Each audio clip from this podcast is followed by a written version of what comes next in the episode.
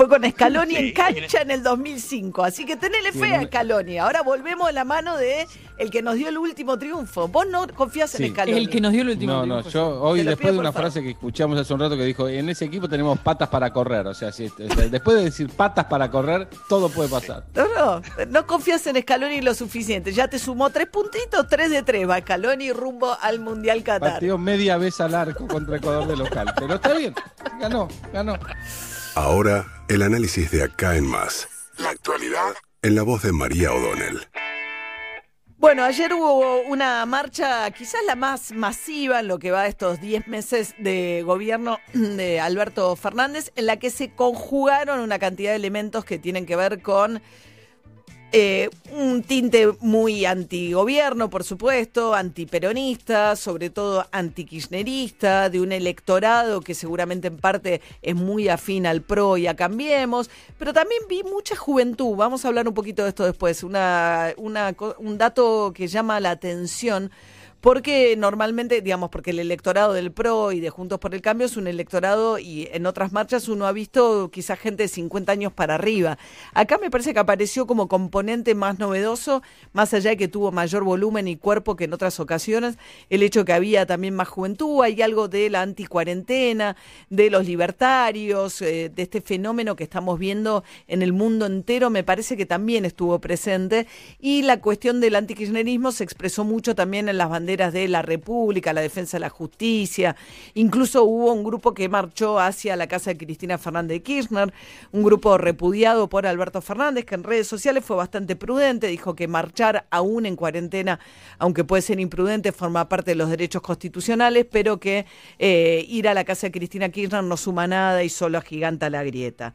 Cristina Kirchner fue la fuente de a, a quien apuntó fuerte Mauricio Macri en su reaparición, ¿no? Mauricio Macri, después de 10 meses de silencio eh, con los medios argentinos, le dio un reportaje a Joaquín Morales Solá, donde no hizo ninguna autocrítica o las autocríticas que hizo respecto de su gobierno y de la herencia económica que él dejó fueron tremendamente superficiales, diciendo que todo en realidad se, se, se- se pudrió cuando Alberto Fernández gana las PASO y que eso llevó a la devaluación y a que las cosas se le complicaran a él, y que su error fue haber delegado, los liquidó al equipo, digamos, a los más dialoguistas de su gobierno, a Emilio Monzó y a eh, Rogelio Frigerio, la pata quizás más pro- peronista de su gobierno, los dijo que su error fue haberles delegados a ellos la negociación con el peronismo, que él debió haber buscado consensos con el peronismo, pero que igual cree que quizás hubiese fracasado, porque el peronismo dijo está dominado por el ala irracional, está dominado por Cristina Fernández de Kirchner, tiene secuestrado al peronismo y dijo que en esa línea tiene secuestrado también al gobierno nacional, Mauricio Macri. Esto es lo que dijo ayer. Vemos un Mauricio Macri que a la luz de la crisis económica que se ha profundizado, se siente envalentonado y también por, bueno, el cansancio y el desgaste que tiene el gobierno después de más de seis meses, 200 días de cuarentena, donde, donde lo que dijo Macri es que no hay ningún buen resultado a la vista. También eso es una visión muy extrema, ¿no? Porque uno podría Eventualmente, bueno, plantear por qué estamos teniendo tantos contagios todavía. En la Argentina va a pasar a ser el quinto país del mundo de contagios muy prontamente. La Argentina está testeando poco, sigue con altos niveles de positividad después de tantos meses, pero a la vez, y esto lo destacó eh, Roberto Labaña en un hilo de tweets muy interesante que puso en el día de ayer, tratando de poner un poco de racionalidad en esta lógica donde aparecieron de un lado los que decían que la marcha de ayer era un intento de desestabilización de la derecha, aliada con los medios de comunicación, que no tolera los gobiernos y que no juega el juego democrático, cuando yo creo que marchar es parte del juego democrático, pero sí aparece un Macri para tensar la cuerda respecto de Cristina Kirchner. En ese contexto, eh, diciendo que todo el gobierno es una gran marioneta de Cristina Fernández de Kirchner. En ese contexto eh, aparece Roberto Labaña y dice, bueno, por un lado rescata algo del resultado de esta cuarentena. Dice, miremos la cantidad de muertos por millón de habitantes. Eh, dice Roberto Labaña, si Argentina tuviese la cantidad de muertos por millón de habitantes que tiene Estados Unidos o Brasil, tendríamos 25 mil muertos hoy en lugar de 10 mil. ¿No valen nada 15 mil vidas? Eso es un planteo interesante, pues nada es tan blanco y negro. Uno puede, porque sobre todo con algo tan difícil de enfrentar como es una pandemia, uno podría plantearse, sí, qué errores hubo, porque es evidente que hubo errores.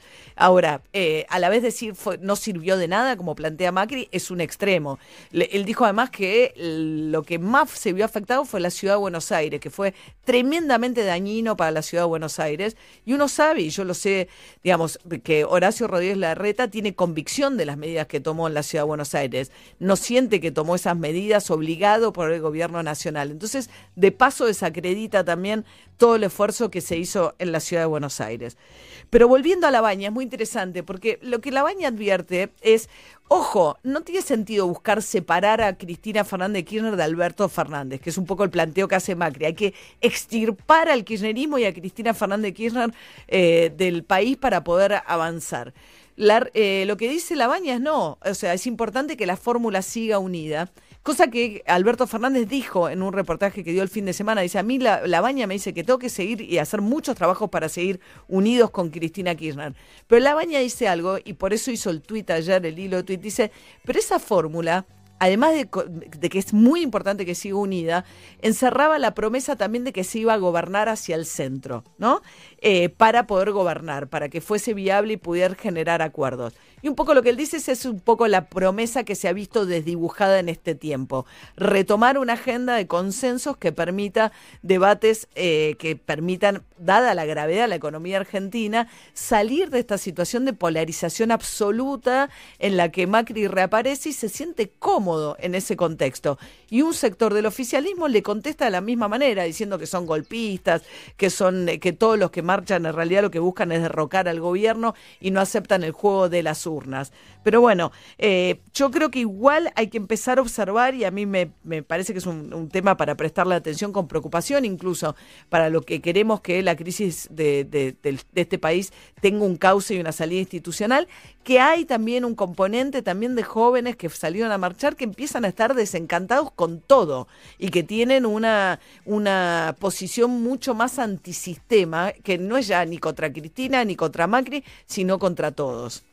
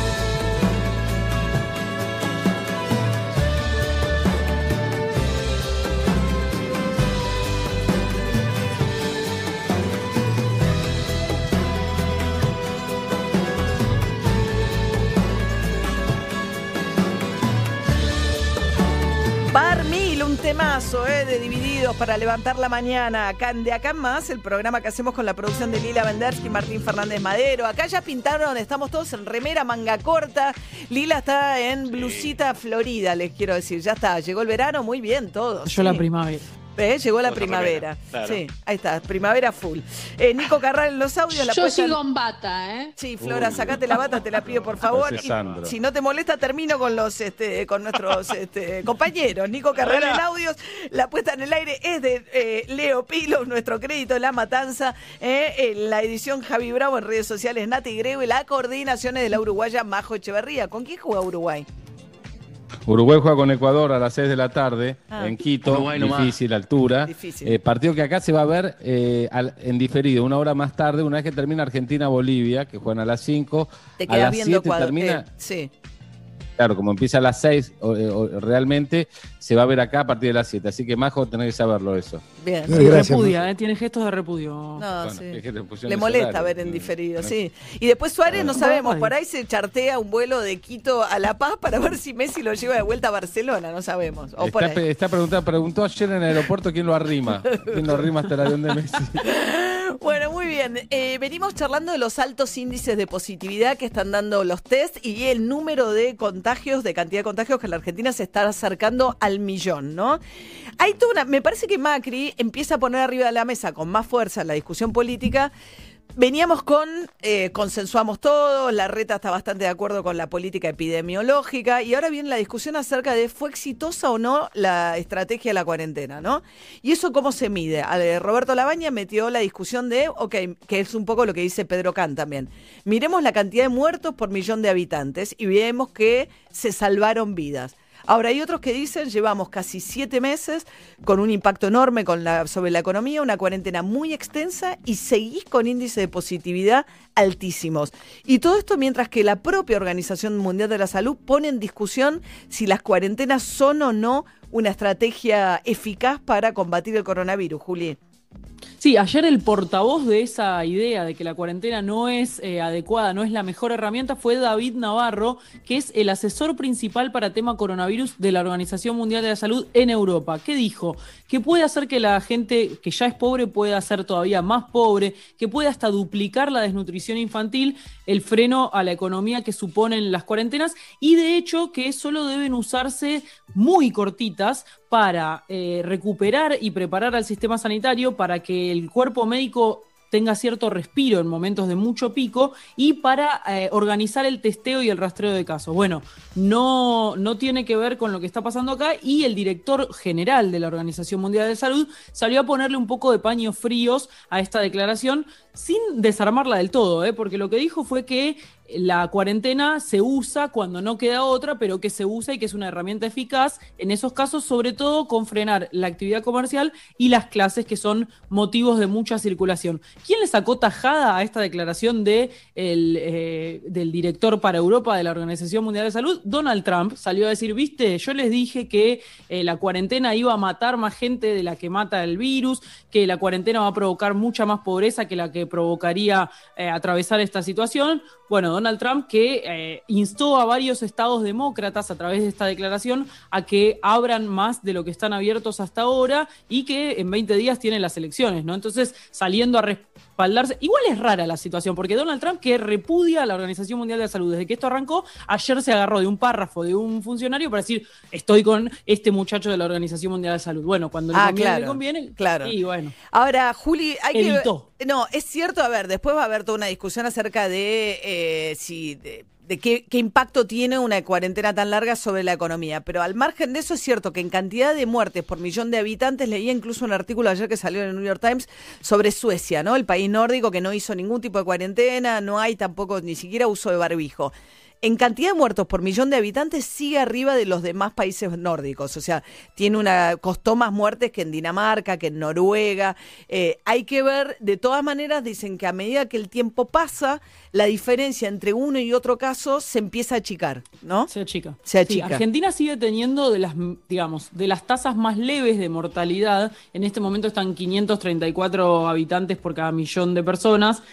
Y esto es un dato importante, no es menor, pero como vos decís, como se supone que a Argentina todavía le falta mucho rastreo, mucho testeo, van a seguir habiendo casos, van a seguir habiendo muertes. Es cierto que el sistema de salud está respondiendo bien, hasta ahora no volvió a acercarse ni en la Nación ni en el AMBA al 70% de ocupación de camas, pero obviamente que va a seguir habiendo fallecimientos por esto y esto digamos, suma la tasa de letalidad porque es un valor absoluto, digamos. La, población no va a crecer tan rápido como la cantidad de muertos por coronavirus. Claro, o sea que va a subir la tasa de letalidad a medida que avancemos, seguro. Bien, Emiliano Pinzón, decíamos que los vuelos dentro del decreto que firmó Alberto Fernández para esta nueva eh, etapa de la cuarentena, no hizo mención a los vuelos, con lo cual se entiende que no hay más prohibición de que existan vuelos, razón por la cual el Ministerio de Transporte está trabajando con las provincias para a ver qué provincias aceptarían vuelos de cabotaje a partir del lunes que viene. En principio no para turistas, solamente para quienes tengan parientes o alguna razón de trabajo para viajar a esos lugares en los que empezaría a haber vuelos domésticos e internacionales. Pero bueno, todo eso está siendo revisado, pero abre la ventana a la vuelta al fútbol eh, de la Liga Nacional, ¿no? Exactamente, lo que vos decís, Mar, eh, lo saben en la AFA y es por eso que desde este momento lo llama Leo Pillows y aparece. ¡Apa! Ah, Después de mucho tiempo, estaba, estaba en cuarentena. ¿eh? Estaba en cuarentena, ¿qué te pasó? Sí, la bombita estaba apagada. La bombita. bueno, bueno, así somos. Somos como Scaloni. Bueno, qué sé yo, pasa. Sí, puede ser. a veces sí, a veces no. Scaloni diría eso. Sí. Bueno, la cuestión es esa, eh, María. Más allá de lo, que, lo que estás contando es cierto, eh, la AFA lo saben y probablemente entre mañana y el jueves, esto todavía no lo tengo chequeado, el gobierno va a dar el ok para el regreso al fútbol. La fecha es el 30 de octubre. Hablamos de primera división, después se va a sumar la segunda división en este caso. Pero el 30 de octubre es la fecha. De hecho, ya en la AFA tienen claro un cronograma eh, de si esto se aprueba o mañana miércoles o el jueves, vía boletín oficial o vía o, lo hacen público, el viernes ya hacer el sorteo del campeonato. O sea, estamos hablando de casi ahora apurar el tema. La cuestión es lo que viene porque de empezar el 30 de octubre, como está planificado en este momento, se estaría jugando todos los fines de semana. Esto incluye, María, a la inglesa, jugar el 25 de, diciembre, ¿En serio? quizás el primero de enero. Hay una posibilidad, lo están manejando, y habría fútbol hasta el 16 de enero del torneo de primera división. O sea, eso. Calor, sí. Jugar al mucho Va a jugar a las 10 de la Pero noche. Además tenés que sumar Claro, obviamente, sí, se va a jugar después de las 5 de la tarde. Esto además eh, se suma que habría partido todos los días porque hay que sumar la Copa Argentina que se va a jugar y además lo que queda de Libertadores y Copa Sudamericana que empieza en octubre. Así que si todo va bien, miércoles o jueves se anuncia y el 30 de octubre, María, ya con vuelos de cabotaje, con, o por lo menos con algunos muy precisos, eh, con las burbujas eh, específicas, vuelve el fútbol local y habrá hasta el 16 de enero todos los días fútbol todos los días. Bueno, un calendario a full, a ATR, a todo lo que da. Vamos a retomar el calendario de fútbol cuando se pueda. Bueno, eh, vamos a ver qué evaluación hicieron desde el gobierno de la marcha de ayer, que yo creo que fue la más voluminosa, la que tuvo, le convocó mayor cantidad de gente eh, desde que estamos en cuarentena, pero en los 10 meses que va de gobierno de Alberto Fernández, sin lugar a dudas, y creo que la reaparición de Mauricio Macri después de 10 meses de no dar una nota a los medios locales, también en coincidencia con el con la marcha de ayer tiene que ver también con capitalizar esa protesta. Agustín Rossi, ministro de Defensa. Buen día, Rossi, ¿qué tal? ¿Qué tal, María? ¿Cómo le va? ¿Qué dice? Buen día para todos. Bien, ¿qué evaluación hace de la marcha de ayer? Bueno, la verdad que cuando yo me pongo a pensar que hace 10 meses que estamos gobernando, eh, que nos tocó recibir un gobierno eh, con una valoración económica con una gestión económica absolutamente desfavorable, ¿no? Endeudamiento excesivo, caída del PBI, alta inflación, desocupación y pobreza en alza, que a los dos meses o tres meses de haber recibido el gobierno, el 3 de marzo específicamente, cuando se declara el primer caso de COVID en Argentina, tuvimos que hacernos cargo de la pandemia y que entonces lo que estamos viviendo hoy los argentinos es la crisis económica que generó Macri, potenciada por los efectos que generó la pandemia, me parece que cuando escucho a dirigentes opositores que no se hacen cargo absolutamente de nada de lo que ha sucedido en la Argentina y de lo que está sucediendo en la Argentina, cuando son uno de los dos vectores causantes de la crisis económica que hoy tiene la Argentina, me parece de un alto grado de irresponsabilidad. Me gustaría quizás escuchar alguna mirada más comprensiva, porque todo lo que está haciendo hoy, o todo lo que se está haciendo hoy en Argentina, tratando de sacar a la Argentina adelante, a reconstruir la Argentina, tiene que ver por no consecuencias o acciones que generó el gobierno, sino por dos acciones que el gobierno no generó. Ahora, perdón, ministro, que lo interrumpa un minutito ahí. sí, sí, sí. Y por el otro lado, los efectos de la pandemia que obviamente ninguno de nosotros decíamos. A mí me pareció, coincido en, parte, digamos, o por lo menos mi lectura de la reaparición de Mauricio Macri fue que trajo cero autocrítica respecto a lo que pasó durante su gobierno. Ahora, ustedes estuvieron 12 años en el gobierno previo a los cuatro de Macri. Pensar que todos nuestros males y el grado de deterioro de la economía argentina se debe solo a los cuatro años de Macri más la pandemia, también me parece que es falto de autocrítica. No, supongo, yo entiendo que si usted me dice que hay problemas de la economía argentina que son estructurales, como por ejemplo que nunca hemos alcanzado niveles de desarrollo de, industrialización eh, que nos permitan llevar un proceso de sustitución de importaciones altamente virtuoso, lo podemos coincidir. Lo que no puedo dejar de, de poner sobre la mesa es el estupor que genera ver dirigentes políticos opositores que parece que nunca estuvieron en el gobierno. Usted habló de canallas y cobardes.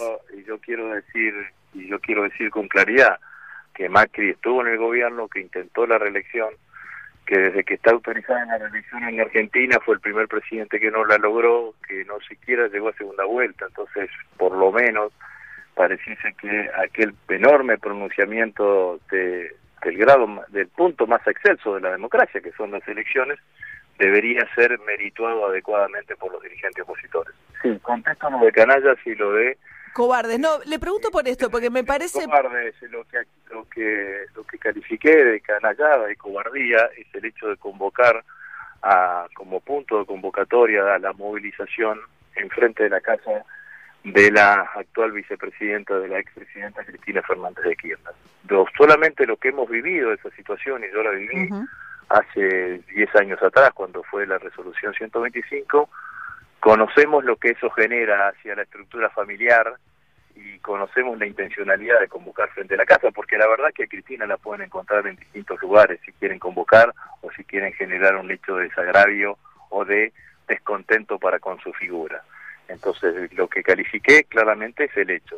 Creo que es un hecho propio de canallas y de cobardes ir a la casa de los dirigentes políticos. Sí, digo, coincido en que no es el lugar para, para, para las protestas, este, pero usted también refería algo así como que había un intento de desestabilización, como si la marcha tuviese un intento de desestabilización, no y, y, la referencia al triunfo, digamos, del Frente de Todos en la elección hace 10 meses, da las, o un poco más, en realidad asumieron hace 10 meses, da la sensación de que lo que dice es como si el juego de la democracia fuese vamos a las urnas y después el que gana gana y el otro se sienta a esperar. No, yo no digo que el otro se siente a esperar, digo que el otro lo que tiene que tratar de hacer es no desestabilizar, es no desgastar permanentemente. Pareciese que todo lo que estamos haciendo hoy en la Argentina lo estamos haciendo, lo, no tiene ningún efecto positivo para el conjunto de la para el conjunto de la oposición política en la Argentina.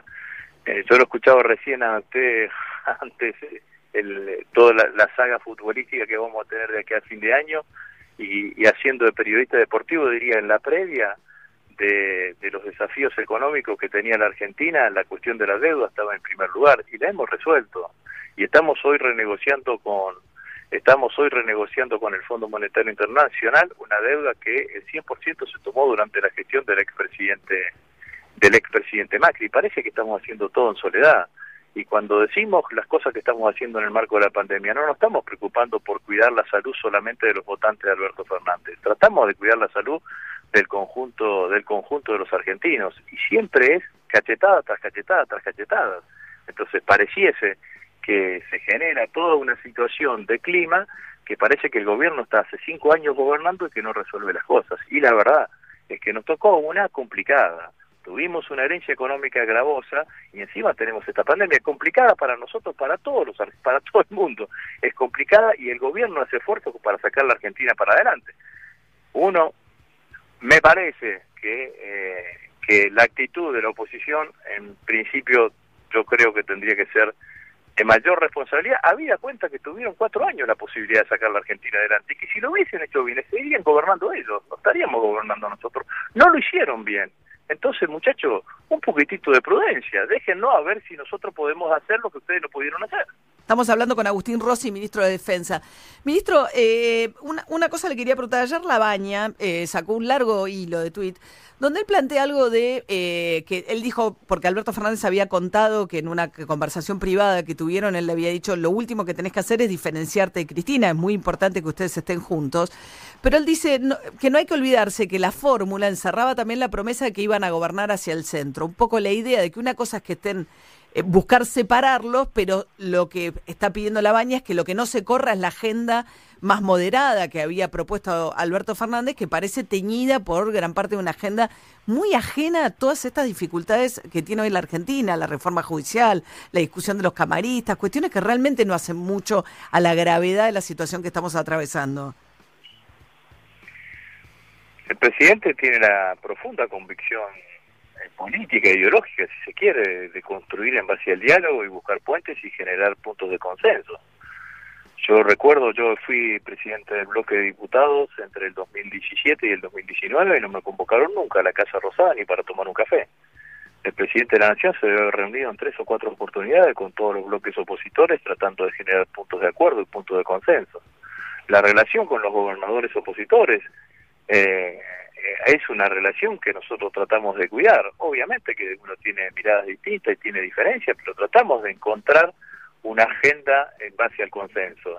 Y una agenda en donde fundamentalmente la democracia mm. argentina pierde el sentido bonal. ¿A qué, ¿A qué me refiero cuando yo digo esto?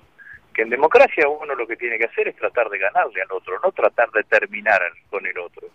Y entonces, en base a eso, lo que, lo que todos aspiramos es encontrar un piso de acuerdo mucho más alto que el que tiene hoy la Argentina y después de ese piso de acuerdo las diferencias claramente tienen que aparecer y seguramente seguramente aparecerán y es sano porque hace a la esencia misma de la democracia pero esa vocación que describe entiendo yo, eh, Roberto Labaña, como la agenda del centro, es una vocación que el presidente tiene y que el presidente sostiene. Ministro, eh, le quiero hacer una última pregunta, no, no, nos vamos a poder extender ahora, pero, pero era un tema que me interesa, en todo caso después profundizamos, pero que tiene que ver con qué está pasando con el Ministerio de Defensa y los homenajes a soldados caídos durante distintas circunstancias. Concretamente hubo un tema con un tuit, tengo entendido, que había publicado el ejército recordando a los soldados que eh, fueron abatidos por el ERP en el año 1975 en el copamiento de Montechingolo, ¿no? Em, eh, ¿Por qué no